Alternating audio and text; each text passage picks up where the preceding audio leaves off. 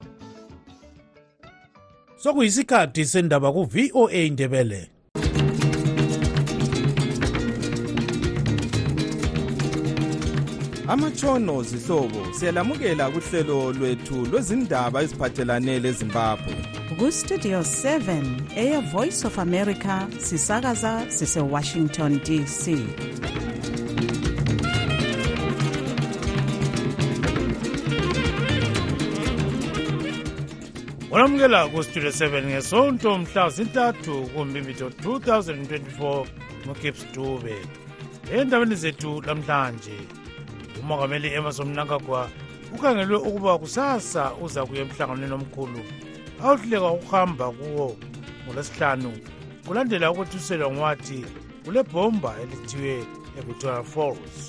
izaphu yilo ibandla eliphikisayo emalangeni elibonakala limelana lokho kwenziwa ngohulumende sikhona sinanzelele ukuthi mhlawumbe kukhona esingakwenzi kuhle okwenza ukuthi bangasifoteli amabandla aphikisayo athi kawanyamalalanga kulandela ukhetho olwenziwa nyakenye amabandla laba ayebekhangelele esithi yi-donor funding i-donor funding ibuya ngesikhathi sokhetho so babe bekhangelele ukubana labo bephiwe imali yokubana beparticipate kuma-election bengaparticipate kuma-election sebethola okuhle kodwa ibandla lezanup f lithi kasabonakali kwezombusazwe amabandla aphikisayo ngoba adinga imali salethulela ezabatsha lezokholo lwesikristu zonke lezi ndaba lezinye lizozizwa kulo msakazo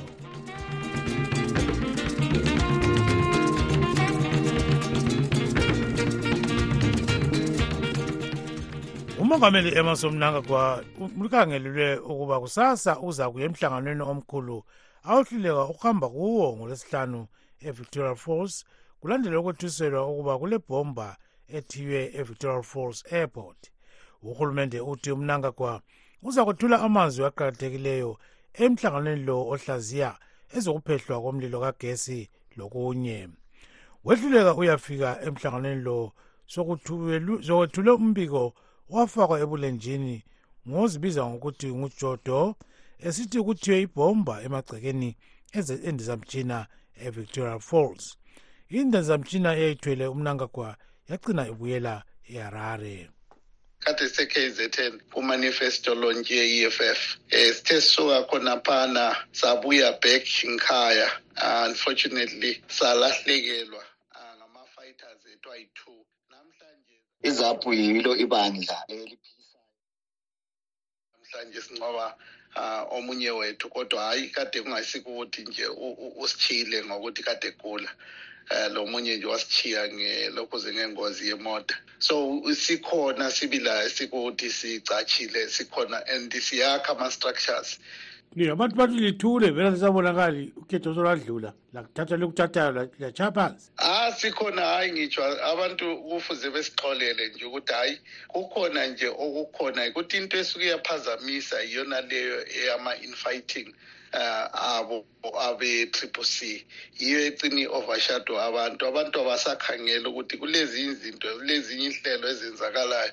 um thina sibhizi siyakha ama-structures ilizwe lonke kade semontoro the other day um and uh, u-sg wethu kade semaswingo next week i think wasevictoria falls so siyayenza ama-programs yikuthi thina esingakwenziyo yikuthi sihlaba umkhosi kumbe sithethise sizama ukuthi thina siyenza lokhu senza lokhu thina siyakha ama-structures uh, and also thina the fact that siyavuma okunye sikubona kwenziwa ngcono and njalo siyakuncoma uh, nxa sikubona ukuthi whether i-government kumbe ngenye opposition so thina singani thina asibonakali ngoba abantu bafuna ukubona umuntu othethisayo eh olwayo okhuluma kubi ngabanye abantu kumbe othethisa i-government yibo abantu abakhanye ngani ama-media houses ezimbabwe amanye acover such people thina abasikhavi ngoba asithethisi that much ye kodwa abanye bathi ukuthula kwenu kuveza ukuthi lisebenza lezani hayi akutsho akutsho khonokho vele abantu bahlala besitsho njalo ngama-elections mina i-triple c labanye bandikhampeyinile besithi mina ngiyindose um eh, i-zanu p f kuyikuthi mina ngizange ngenze i-interview enjalo eh kodwa mina into engayitshoyo ukuthi mina amboni kuloncedo ukuthi nxa mbona into embi ngithethise upresident welizwe I'll rather put a proposal, even request a meeting njenge-leader ye-opposition ngiyefaka ama-position ukuthi hayi president mina ngibone ngani ulahleke lapha lalapha lalapha ngoba after ama-elections azange sibone any one of us ama-leaders kumbe i-opposition ehambisa upresident ecourt yathi hhayi kakhethwanga kuhle lo ngumnumzana innocent ndibali umkhokheli webandla le-economic freedom fighters obexoxela lestudio 7 eselondon udaba lapho akhuluma ngalo ngokuthi amabandla aphikisayo athi kawanyamalelanga kulandela ukhetho olwenziwa nyakenye athi kunzima ukwenza imikhankaso eminingi ngenxa yokuswela imali njalo locuku lukahulumende kamongameli emerson mnangagwa kodwa ibandla eliphikisayo lithi amabandla aphikisayo ye kodwa ibandla elibusayo lithi amabandla abusayo aphikisayo amaningi adinga imali kumbe okungabanceda empilweni hatshi ukulela okufiswa nguzulu sixoxe njalo ngodaba lolu lomnumzana mthulisihanana webandla lezaphu lo umhalana eh, ngunobhala jikelele wezaphu izaphu yilo ibandla eliphikisayo emalangeni elibonakala limelana lokho kwenziwa ngohulumende sibhalele umnankakho incwadi simtshele ukuthi into ayenzayo lezinduna asivumelani layo um sisuka lapho sayenza i-press conference eharare sisiya-adressa sitshela abantu ukuthi khona siya ngaphi lo mnankakho simkhumbuza ukuthi lokhu akwenzayo kayisikho khathesi sileprogramu esiyenzayo siqoqa abantu abatsha ukuthi batshengisele ukungaphatheki kuhle nguhulumende ngaphansi kwe-hashtag ethi 2028 is too far u-2028 ukhatshana ngoba sesiqale iprogram yokuthi siqoqa abantu bezimbabwe sithi khona kasifuni ukuthi uhulumende lo khona akukhokhele ngendlela akhokhela ngayo kuze kuyefika u-2028 so sikhona mhlawumbe umsindo esiwenzayo kawukamemetheki kodwa kukhona okwenzakalayo e, e, e, njengabantu bezimbabwe um siyabamela abantu eh okubahlukuluzayo siyabakhulumela kodwa abantu bathi phela kuma-bi-elections abazange bekubone izapho abazange beyibone kuma-bi-elections ngakho-ke basekela izanu ngokutsho kwabo umuntu otsho njalo uyabe ngelaqinisa um eh, ama-bi-election um eh, eh, esingangenanga kuwo yilawa okugcina owine khona ogeorge huma labanye wonke ama-bielections abekhona sivela ku-election sicontestile impumela yakhona kokulawa isegcekeni sisana lecandidate futhi ebidbridge west eumama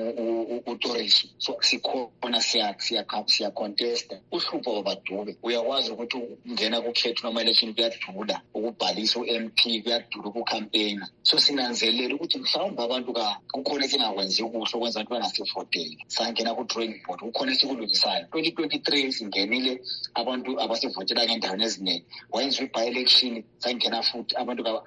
kabasivotelanga so angazi ukuthi othi kasikubone ku-bi-election uyabe sitsho ngaphi ngoba wonke ama-bi-election besikhona umnumzana mthulisiyana na ngunobhala jikelele webandla lezaphu bexoxa lestudio seven esijohannesburg kwele-south africa okubandla lezanu p f umnumzana kutamsaka uthi amabandla aphikisayo aphanda imali kwezombusazwe amabandla laba ayabe ekhangele le esithi yi-dona funding i-dona funding ibuya ngesikhathi sokhetho so babe bekhangele lokubana labo bephiwe imali yokubana beparticipate kuma-election njalo abanye bakhona singakhayela ukhetho oluphelileyo bebengabantu kade befuna ukuparticipate kwenza ukuthi bebe part of ipoland ngoba bebekwazi ukuthi ipollard yaphiwa izimota um last government so bathi hayi singaba part of ipollard lathi siyakwanisa ukuthola izimota so injongo ngeyokuthi bengasutha njani bengadla njani ayiso njongo yokumuva ilizwe lisiya phambili njalo labo nxa besiya kukhetho mm, abakhangeleleli ukuthi bewine bakhona nje ukuthi besikhugumise izikhwama zabo kuphela ye kodwa kulabanye abathi okwenza bengakwenzi khonokho besabe badlala ezanu p f lokucuka okunye okumangalisayo njalo lincindezela uzulu so babe besesaba phela bathi ha ah, lapha kulobuzima njalo balamali hayi kuqakathekile ukuthi akula muntu esaba ibandla ungalesaba njani after election ngesikhathi siqakathekile se-election ungalesaba usiyacontesta um nje siyakwazi ukuthi bona bathi uthi olebhora ngomakwayo izanup f ngatsho izihlupho kungamabandla okuncane lokhu ukuthi kube njani fina siyakufuna sibili ukuthi kube khona ukwenzela ukuthi um kube ledemokhrasi akula nto ebangayesaba nje um kubandla lezanup f njalo abakwenzayo okungafuna imali kuyini after election okungafuna imali kuyenzakala during election after election kumele kuphela besebenzele uzulu bekhulume la ivoice yabo izwakale be-athende la ama-programs enze ukuthi ilizwe liye phambili akula engingabona okufuna imali njalo izanu p f abayesabi um banga asibo magwalo ukuthi kuthiwa bengesabi izanu p f eyokuthi ngesikhathi siyakampeni abaye bekhona besithi sivoteleni besebezayisaba sesiqedile njani lo ngumnumzana nkuluya msanka obexoxa lestudio 7 eseharare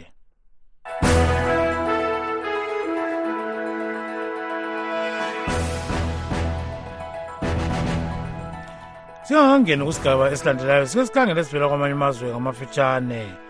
kuqhutshwa umhlangano omkhulu namhla kwelegibhite lapho kukhulunywa ngokumiswa impi eyesabekayo phakathi kwele um israel labamele ihamas lokhu kubikwa ngabezindaba abereuters lokhu iqhubekela phambili impi kwele-ukraine ilizwe leli lisithi seliphelelwa izikhali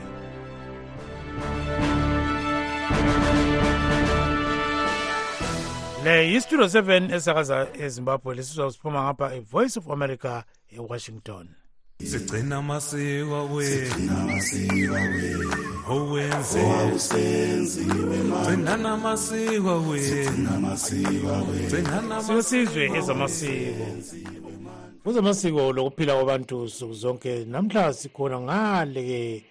lapho-ke ukule nkosi ubulelani lobhengula owakhetha umdeni wakokhumalo uba yinkosi yesizwe sikamthokazi sixoxa lesikhulumeli sakhe umnumzana bonman khumalo khumalo uzawamukela ukuhlelo ba ngiyabonga kakhulu msakazi ye sizwa kuthiwa ke selilungiselele ukuya kodakamela kulani khona ngani wetsho impahla mhlonishwa siyakhona kodakamela udakamela ifriday ka-five kwi-april kuyi-lecture kuyimfundiso nje imfundiso ngembali yethu singamandebele bese kuthi u-six-ke sokulusuku lwemgido kube losuku lokupha imiklomelo kulabo abantu abenze kahle esigabeni njengalokhu enza umnyaka ophelileyo induna udakabela so ke hayi kuyadliwa kuyafundiswa siyagiya siyasina kumnandi kunjeya yikhangelo labo ukuthi abathola imihlomelo ngabantu abanjani izicoco lezi kume njani bakhethwa mbani bayakhethana bona umuntu mhlawumbe ofuya kuhle kakhulu onakekela izifuyo umuntu olima kakhulu abantwana abenza kahle ezikolweni ku-sports abantwana abenza kahle ezikolweni ngezifundo nje zeklasini yibo laba abantu abaphiwa imivuzo kuyindlela yokukhuthaza abantu ukuthi abazinikele emsebenzini abayenzayo ye kuqakatheke kanganani khonokho lokho mhlonishwa kuyakhuthaza abantwana ukuthi uma ungelamoya ukukhompyutha ukuncintisana labanye abantu uyasuthiseka loba yisiphi izinga okulo kodwa uma lisenza into ngokuncintisana wonke umuntu ufuna ukutshaya intamba abe ngunumber one yiwumoya omuhle lowo esifuna ukuwufaka ebantwaneni ukuthi bathi excel in what they are doing baphumelele ezifundweni laba aba-intelligent laba bagudwa balesipho sesports baphumelele ngoba kuyakhuthaza nxa kungekho ukuncintisana abantu abakhuthali ukwenza izinto kodwa umuntu ungafaka ukuthi kule competition kulo mvuzo umuntu uyafaka amandla entweni ayenzayo kuyasithuthukisa isizwe lokho ye lo ngubaba ubonman khumalo isikhulumeli sikabulelani lobhengula wakhetha umdelo ngokhumalo uba yinkosi yesizwe sikamthokazi siyabonga kakhulu khumalo ungajola kusasa baba ngiyabonga kakhulu mthembu ngela baba mkhulu babe lobola so isikhathi sezokholo lwesikristu silontukwamela inkomo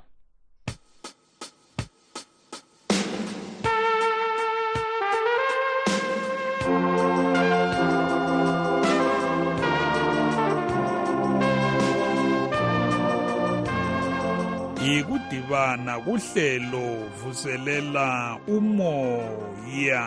igama nguntungamili nkumo namhlanje silomfundisi usenisibanda ngiyabonga ukwamukela kulolu hlelo njalo ngiyabingelela abalaleli namhlanje kusihlwa ngiyathemba sizaba lesikhathi esihle sonke usiphatheleni mfundisi kuleli viki ngifuna sikhangele udaba oluhlupha abantu abaningi nxa sikhuluma ngenkonzo kumbe ukuyakhonza lolu ludaba lomnikelo kumbe ukukhupha njalo kwetshumi abantu abaningi ngenxa yokuba bahlangana labantu abacina engxenye bebatsotsa imali kumbe bebenza bekhipha izimali ngendlela engayisiyo uJesu asifundisa ukuba sikwenze basuka balimale kakhulu ngakho ngizobala kwabasekorinte abokuqala ichapter nga-16 sibala uvesi ka-1 lo-2 kukhuluma ngomnikelo mayelana lomnikelo onikelelwa abantu bakankulunkulu yenzani lokhu engatshela amabandla asegalatiya ukuba akwenze ngosuku lwakuqala maviki wonke yilowo lalowo wenu kabeke eceleni imali ethize kusiya mayelana leholo lakhe ayigcine ukuze kuthe kufikeni kwami kungabi lokuqoqa okwenziwayo siyananzelela lapha ukuba uphawulu wayebhalela abazalwane basekorinte ekhuluma labo ngodaba lomnikelo ngibona kulezinto ezithize esingazifunda lapha akhuluma ngazo okokuqala okungcono kungekho mceke ukuba kutsho ukuthi lolu daba lokunikelwa lwalukhona njalo kubandla elitsha esingathi ibandla le-testament elitsha ibandla elaliqaliswe kusukela kujesu um ngathi indaba yokunikela ayiphelelanga nje kuphela ku-old testament kumbe kutestament elidala njalo sinanzelela ukuthi kuleli testament elidala nxa umuntu wayesiza ukuzohlangana lothixo kwakusiba khona umnikelo owawudingakala Ah, abantu babeletha imbuzi abantu beletha izinkomo abantu belethe izimvu ikakhulu ukuze bathethelelwe izono zabo kodwa siyakwazi ukuba umnikelo owabakhona owacima yonke leyo mnikelo nxa sikhuluma ngokuthethelelwa kwezono kwakungujesu kristu ngakho kutsho ukuthi okokuqala unkulunkulu wanikela yena ngokwakhe mathupha wanikela umnikelo owedlula owethu sonke so ngakho-ke nxa umuntu esiza ebandleni ezonikela kalandanga ukuzonikela ukuthi azathethelwe lizono zakhe kumele alethe olunye ulutho lokhu sokwabhadalwa ngujesu sokwabhadalwa ngunkulunkulu ngokufa kukajesu kristu kodwa-ke siyananzelela ukuthi njalo abantu babesibangaba lesivuno unkulunkulu wayesithi lethani izivuno zenu zokuqala kube yindlela yokubonga unkulunkulu ngokupha asenzele khona ngoba yonke into esilayo siyiphiwe nguye uNkulunkulu ngakho siyabe sibisela kuye nxa sinikela sibisela kuNkulunkulu kuyisibongo njalo kuyikunanzelela ukuba yonke into esilayo yonke into esiyitholayo ayisitsho ukuthi sihlakaniphile kumbe sikuthole ngamandla ethu kodwa sikuthole ngenxa yokuthi sikuphiwe kuthixo akuyiphethe mfundisi ngifuna sigqibe ngalokho ukuba yilowo lalowo wethu kumele uzibuze ukuba kambe wena uNkulunkulu umbonga njani esigabeni sokumkhonza ngemnikelo ngoba ukunikela yikumkhonza uNkulunkulu ukwenza ngenxa yokuthi ufuqwe ngomunye umuntu kumbe ukwenza ngenxa yokuthi uyamthanda uJehova njalo uyambonga asithandazeni baba ngegama likaJesu khulumisana lathi enhliziyweni zethu ukuze baba konke lokho esilakho sikulethe kuwe sibonga njalo singabantu abakwaziyo ukuba yonke into iqala kuwe njalo yonke into izophetha kuwe sibongile baba ngegama likajesu kusisa abantu abakho abalaleleyo sizahlangane njalo ngeviki elizayo amen inkosi libusise asihlanganeni ngeviki elizayo sikhuthazana njalo ngombhalo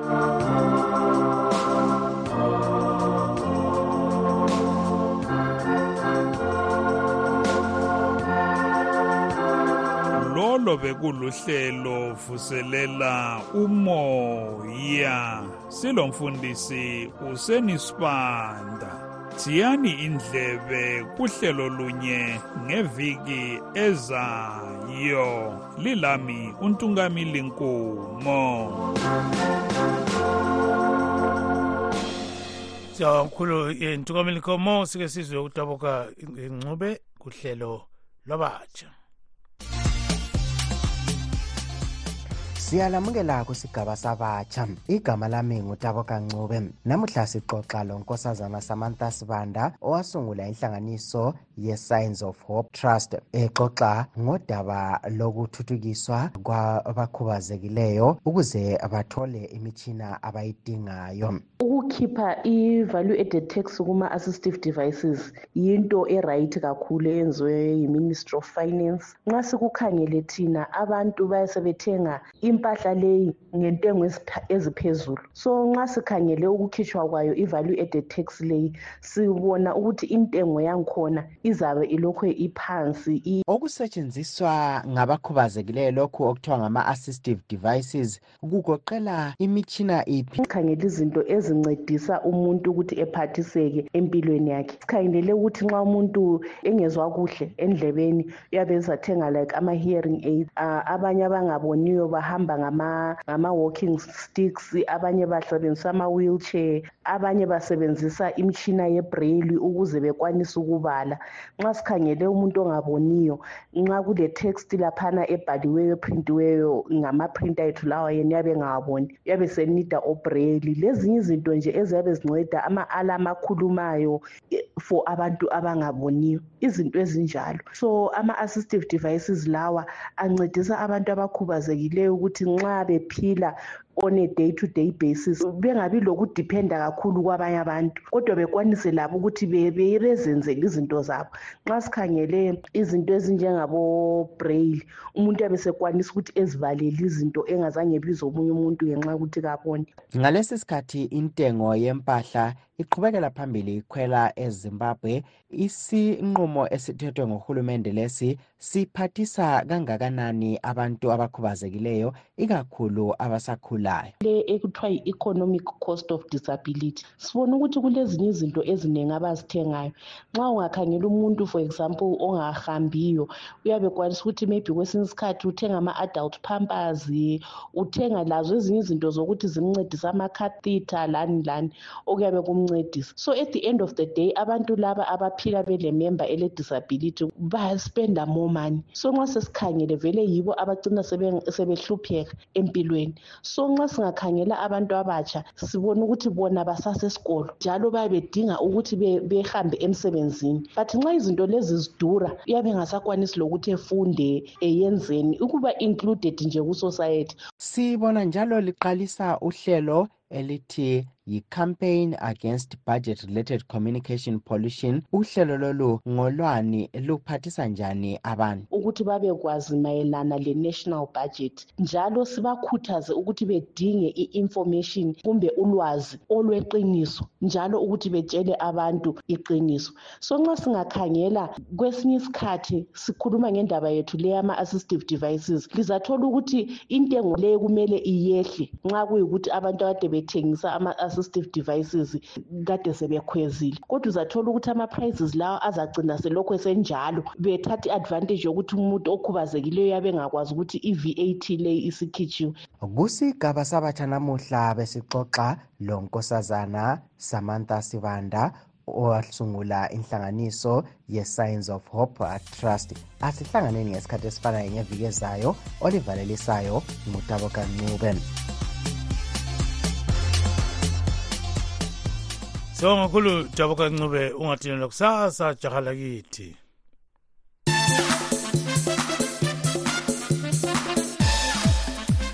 wezemidlalo intatheli izindaba yethu yezemidlalo ujoseph njanji usethulela ingxoxo ayenze lwayengumdlali womdlalo wenqindi umeluleki ndulube wayekhangelwe ukuba uzakwenza izimanga ngesikhathi esakhula kodwa wagcina echiya umdlalo wenqindi ngoba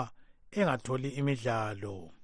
umgulube uqale ukudlala umdlalo wenqindi ngo-2003 eleminyaka elithumi yokuzalwa lapho abekhona lilunga leqembu ebelizilolongela echaka youth center elokitshini lasemakhokhoba ngalowo mnyaka uhle waphatheka kumncintiswano wezimbabwe national youth games oqhutshelwe edolobheni lakobulawayo lapho athole khona imendulo yombala wesiliva uthe esethe hluthu ubeyingxenye yeqembu ebelimele idolobha lakobulawayo kumncintiswano ofanayo oqhutshelwe edolobheni lasemarondera 2009 amarondela kuma-national youth games ah, that's way abantu abaningi abaqalisa ukumbona khona baqalisa ukubona ukuthi hayi khathi umfana lokho kulesiphiwo esingaka seboxing ah, ngokudlala kwami khona le marondela 2009 national youth games ah, ngabuya le gold medal sahamba kuma-champions of champions around bonovember december khona ngafika ngaba yi-champion yephini we-division by that time nganguya 45 kgs i-first weight yami it was 25 vele kwakukhatshana iphini weight ngabantu abalula sesesifika ku-2010 ngadlala ama-national youth games eharare ngabuya le-gold medalist futhi again ngemva kwalokho umqeqetshi kangulube umuyi uphilip striker ukhethe ukuba ungulube echiye ukulwa eli-amateur abe li-professional njalo uthi lokho kwamlethela ubunzima obukhulu around 2010 coach philip striker idecided ukuthi thina sijoyine professional boxing ngoba lathi sasesizibona singabanttu ukuthi hhayi lathi sasingakwanisa ukudlala ku-professional ngakuthena lo fana wangidlala la kwakuthiwa ngontando sibani sadlala one one sahlala isikhathi sitraina singatholi ivile igame ngahlala sibile isikhathi ngingadlali iboxing eringini ngitraina trying to find ama-sponsors trying to find ukuthi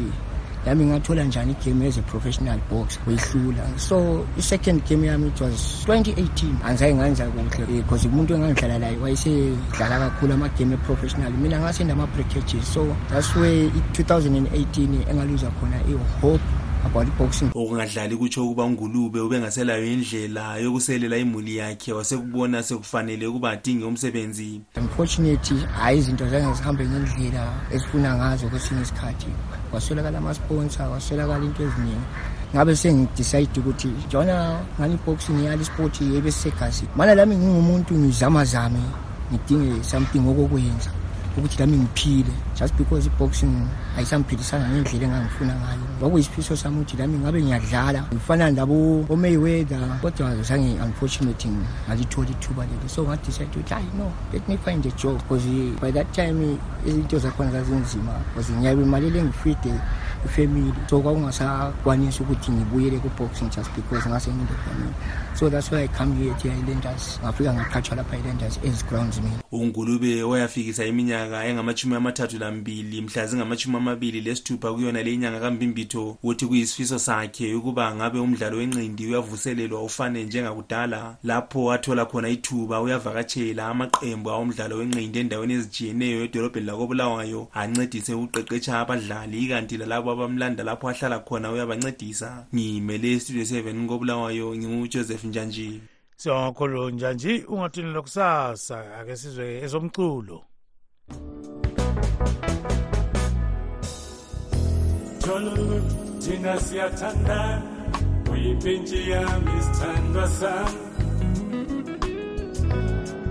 salibonani balaleli labalandeli be-studio 7 igama lami mna ngingumerisi khumalo umhlabeleli wejez afro jazz actually let me say um ngithanda ukuthi ngilibingelele lonke ngithi linjani ukuphila mina ngihlabelela ngikhonapha ezimbabwe eharare just to be specific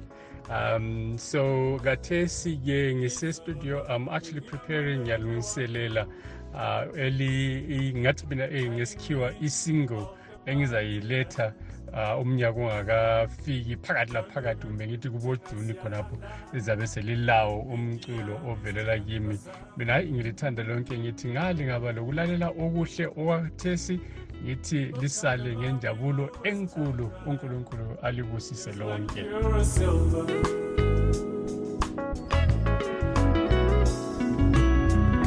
umama wakho sithandwa sami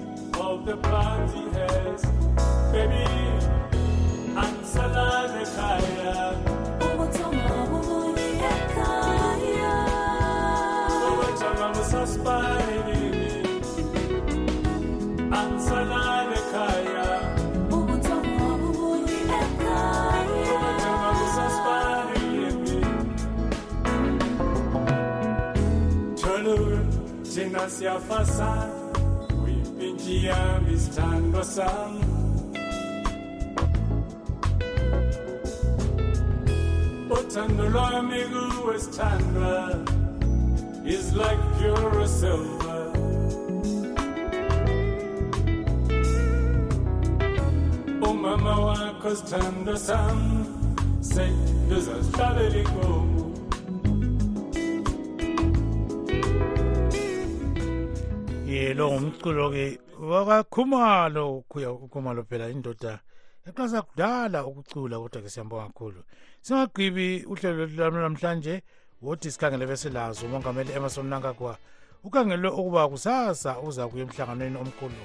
awuhluleka ukuhamba kuwo ngolwesihlanu kulandela ukuthuselwa ngowathi kule bhomba elethiwe epretoria falls airport siqhuba lapha-ke uhlelo lwethu namhlanje oluvalisa ngumthembo sithemba ugibbs dube lilale siyalibonga ngokulalela kwenu asibeke ithuba elifanayo kusasa kustudio 7 kusukela ngo-half past 7 kusiya ku-8 o'clock ntambama kuhlelo lwezindaba zezimbabwe